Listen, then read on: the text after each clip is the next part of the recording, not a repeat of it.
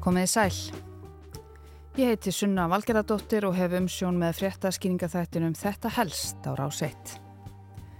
Það ríkir ófremdar ástand víða í heiminum, mismikið og af mismunandi ástæðum. Í landi nokkru við miðbaug hefur verið líst yfir 60 daga neyðar ástandi og útgöngubanni eftir að einn maður slapp úr fangilsi. Það er allt á söðu punkti, morðtíðni í þessu tiltörlega friðsæla landi til þessa hefur markvaldast síðustu ár. Ekvator er langt í burtu frá okkur. Þau eiga líklega ekki margt sameinlegt með okkur Íslandingum. Ekki drosalega margt, en það er alltaf eitthvað. Öskurskíjum 40 km þermáli myrkvaði Quito, höfuborg Ekvators í dag, en askan kemur úr fjallinu Guaca Pinchincha sem er í um 12 km fjarlæg frá borginni.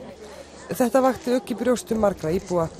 Eldfjallasérfræðingar hafa þó til... Ógiðar hefur gætt í fjallinu Tungurúa eða eldhálsinum frá því byrjun september en nú er farið að gjósa. Vísindamenn hafa fylst náið með framvindumála og í gær tilkynnti yfirvöld að hættu ástand myndi skapast næstu daga og voru íbúarnir sem eru um 25.000 beðnir að yfirgefa bæin. Stjórnvöldi Ekvator greindi frá því nú síðdeis að 235 hefur farist í öflugum jarðskjálta sem reyði við landið í nótt. Mörg hundruð eru slasaðir og eignantjónið er sagt gríðarlegt. Björgunarsveitir leggja nú allt kappa á að ná fólki á lífi úr rústum áður en það verður of seg. Þetta er endar á skala sem við sem betur fer þekkjum ekki. Það eru 30 virk eldfjöll í Ekvator og höfuborgin Quito er umkring nýju þeirra. En þessi þáttur fjallar ekki um eldgós, jarðskjálta og eigðileggingu af völdum náttúrunar. Við ætlum að pása það aðeins í dag og fjalla um eigðileggingu af völdum mannsins, brostna, innviði, pólitíska spillingu, stjættaskiptingu, peninga og kókain.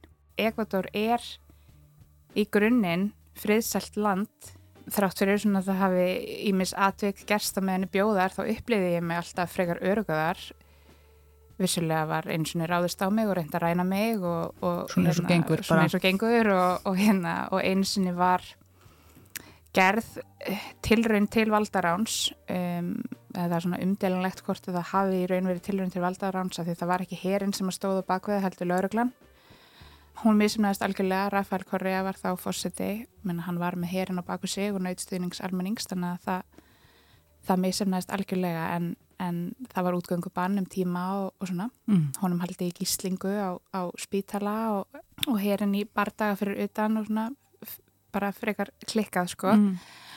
en, en ég samt einhvern veginn, já, uppliðum alltaf frekar örga, bara mjög örga og, og hérna og svo er það hitt að Ekvator á jú, vissulega svona sína sögu um óstöðuleika í pólitíkinni eins og í rauninni langflest lönd Rómunsku Ameríku um, og þar hafa alveg verið valdar áni gegnum tíðina en svo saga er kannski ekki eins blóði drefin og við þekkjum uh, frá ríkjum að borða við Tíle og Argentínu. Mm. Þetta er kona sem þekkir vel til málefna Ekvator.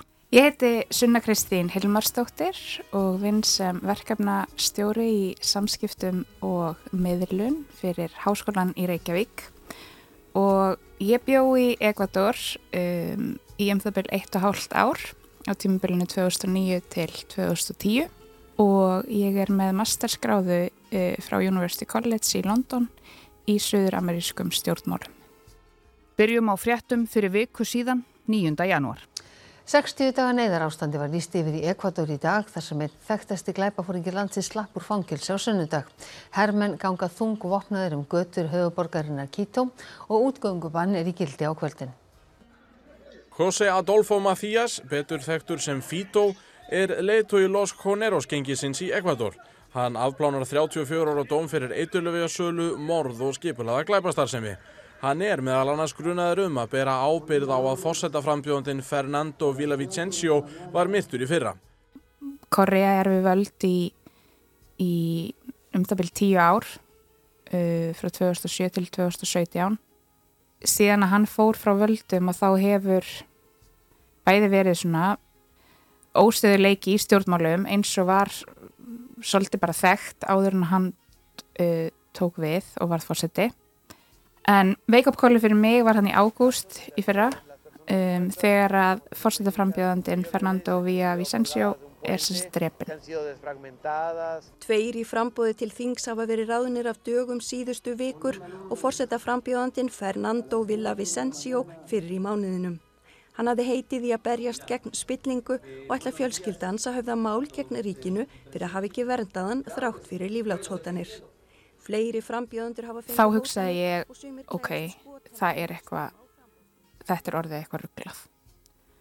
Og hann var náttúrulega drefin í ágúst, bara mjög skömmu áður en að fórstakostningarnar átt að fara fram. Hann hafði talað svona mjög opinskátt um þessi vandamál sem að hafa verið að aukast bara mjög mikið síðustu, já, fjögur árin sem tala um varðandi þessi, þessi alþjóðlegu eiturlifi á glæparhingi sem að hafa náð fótverstu og skoturótum þannig í, í landinu. Núverandi fósiti, svo sem að segjar kostningarnar, er hérna algjör nýliði í pólitík. Þetta er Daniel Noboa, er bara ungur, einn yngsti fósiti, ef ekki sá yngsti sem Ekvator hefur haft og tilherir algjöru elitu í landinu. Hann er bananaerfingi þegar fólk þekkir Bonita bananana. Þá á pappi hans e, það svona conglomerate, það er svona multinational fyrirtæki og hérna þau eru miljardamæringar sko. Bonita banana na na na, bonita bonita, bonita banana na na na. Og hann vinnur þannig með um það byrj 52% greitur atkvæða í oktober og tekur við völdum í november þannig að hann er ekki búin að vera lengi við völd og komin Nei. með þannig að hans er stort verkefni í hendunar og svo sleppur hverfur uh, hinn allræmdi Fító hann er leiðtogi uh, glæbagengis sem að kalla sig uh, Los Choneros en hefur verið í fangelsi alveg síðan 2011 ef ég mann rétt mm. þú veist þá dæmtur ég bara 35 eða 40 ára fangelsi fyrir bara morð og hérna ofbeldi og innflutning og eða útflutning á fíknefnum og alls konar brot. Hann fær ábendingum það að, að það eigi að færa hann í svona háöryggisfangelsi. Hversu mikið háöryggi það er því síðan, þú veist. En það var hann bara, hann, hann réð yfir fangelsinu í raun. En stjórnvöldur gera til raunir til að uppræði til dæmis þáspillingu en gengur ekki betur en svo að hann fekk ábyrningar um að það ætti að flytja hann og húnum hefur líklegast bara verið hjálpað mm -hmm. af fólki innan hóðvilsins til slepp.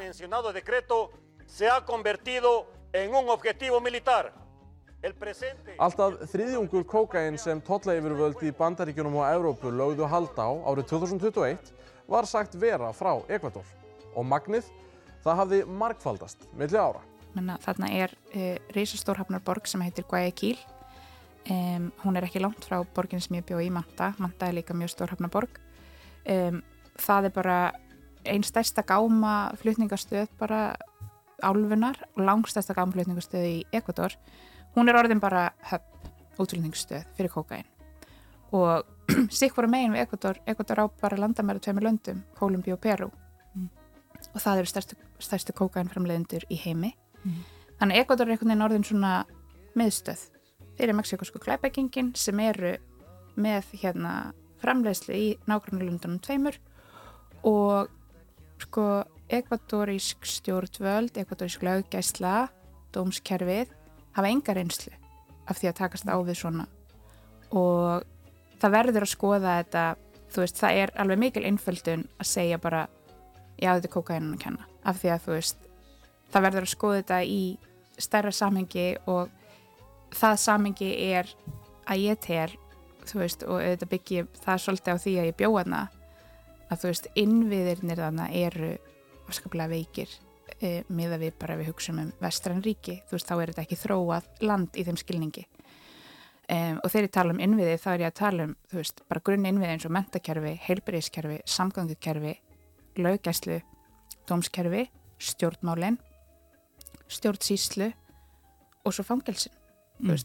herin jafnveg líka sko þannig að hérna og þarna sjá þessir glæbonar bara tækifæri þannig bara lítið land um, það sem er kannski, já, ekki mikil reynsla, takast á við alvarlega glæpi, þú veist, ég sérst, morðtíðni í Ekvator árið 2017 voru fimm morð framinn á hverju hundra ást íbúa.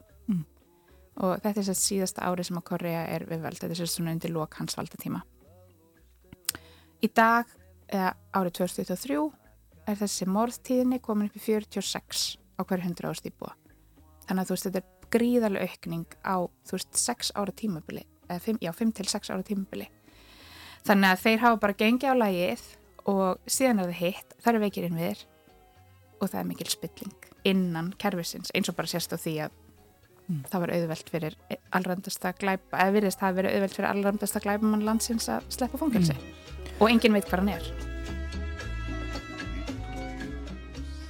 Nú og að hann lýsir fyrst yfir neðar ástandi þegar að það kemur ljósa fít og hafa slopp og fangilsi og svo þetta incident sem að verður eða þetta atvik sem verður þannig á þriðju deginum Þessi óhugulega sjón blasti við áhörvendum sjóanstöðarunar TSJ í Gæja Kíl, stærstu borg Ekvator í gerkvöld. Frettaskýringa þáttu var í loftinu þegar vopnaði ribbaldar trubluðu útsendingu og hófu skotrið. Por interno nos dice el productor y el director de cámara, por favor, eh, tomen cuidado que no, se nos... Í kjölfarið á því þá lýsir hann yfir það sem hefur verið, ég er svo sem ekki fundið betri þýðingu á því en bara hann lýsir yfir innanlands átökum mm. að herin eigi í stríði í rauninni um, við e, þessi glæpagengi og hann hefur í rauninni, þetta eru 22 svona, já, gengi sem að hann hefur leipilað að markað sem bara hriðiverka samtök mm einhvers konar bara borgarstyrjöld Já, þú veist, það er já. svona hérna, nema þú veist og, og nema það er ekki á einhvern veginn það er náttúrulega já, í grunninn á milli yfirvalda og svo mm. óbreyttra borgara í raun það því þessi glæbyggingi er náttúrulega þau hafa engin formlega völd, Nei. skiluru Þannig að það eru blóðir dagar framundan Já, það er erfitt að finna tölur um hver margir hafa svona fallið beint í þessum átökum. Þú veist, ég fann að það væru allavega einhverjir fimm meðlumir þessar gengja myndir meðlumir þessar gengja sem hefur fallið, tveir lauruglumenn allavega.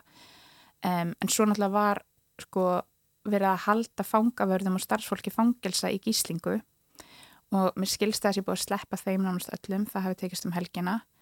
Um, en síðan hefur bara hafið við 1500 manns verið handteknir ég er ekki vissum að almenningur í Ekvator sé endilega komin þangað í hugsun þar sem að ég er þú veist að því að ég er bara hérna, eitthvað í kósi á Íslandi að pæli um hvað gerist næst og sögulegt samhengi og mm. þú veist Um, Ekvator er líðræðisríki en eins og mörg önnu ríki í Rómunsku Ameríku er líðræðið frekar brótætt þarna.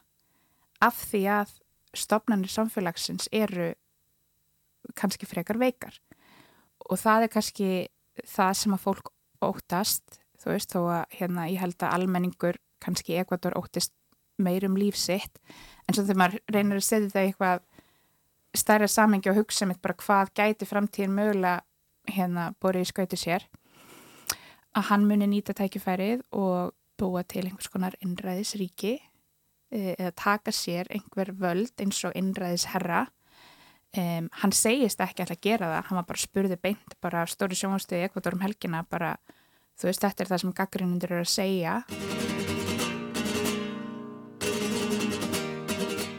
Þú veist, ætlar þú bara að fara að skara elda einn köku? Og hann bara nei, þú veist, ég er bara kjörinn í ákveðin tíma. Og hann er líka bara, hann á bara eitt og hálft ár eftir í starfi, mm. þetta er mjög stutt kjörtímabil af því þetta voru svona millikostningar það er næst fórstættakostningar 25 Bonita, bonita Bonita, banana, na, na Bonita, bonita.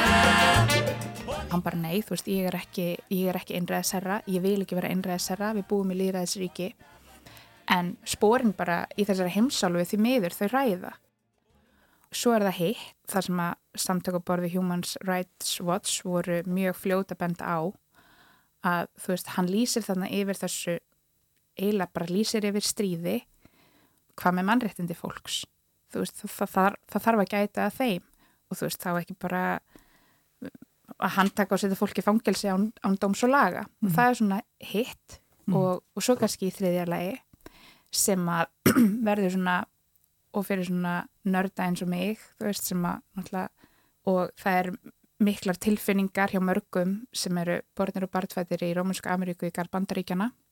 Noboa er búin að beina því til bandarískra yfirvalda að þeim vanti aðstof. Ég var bara að lesa það í dag að það er hérna verið að skoða hjá bara stjórnarskrár, domstól í Ekvator.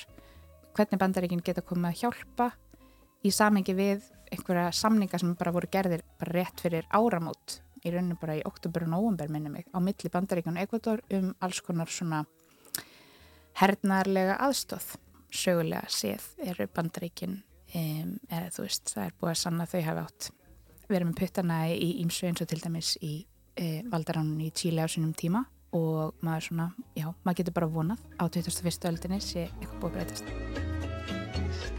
Þetta var Sunna Kristín Hilmarsdóttir, ný ráðinn sérfræðingur þetta helst um málefni Ekvador og Rómunsku Ameríku.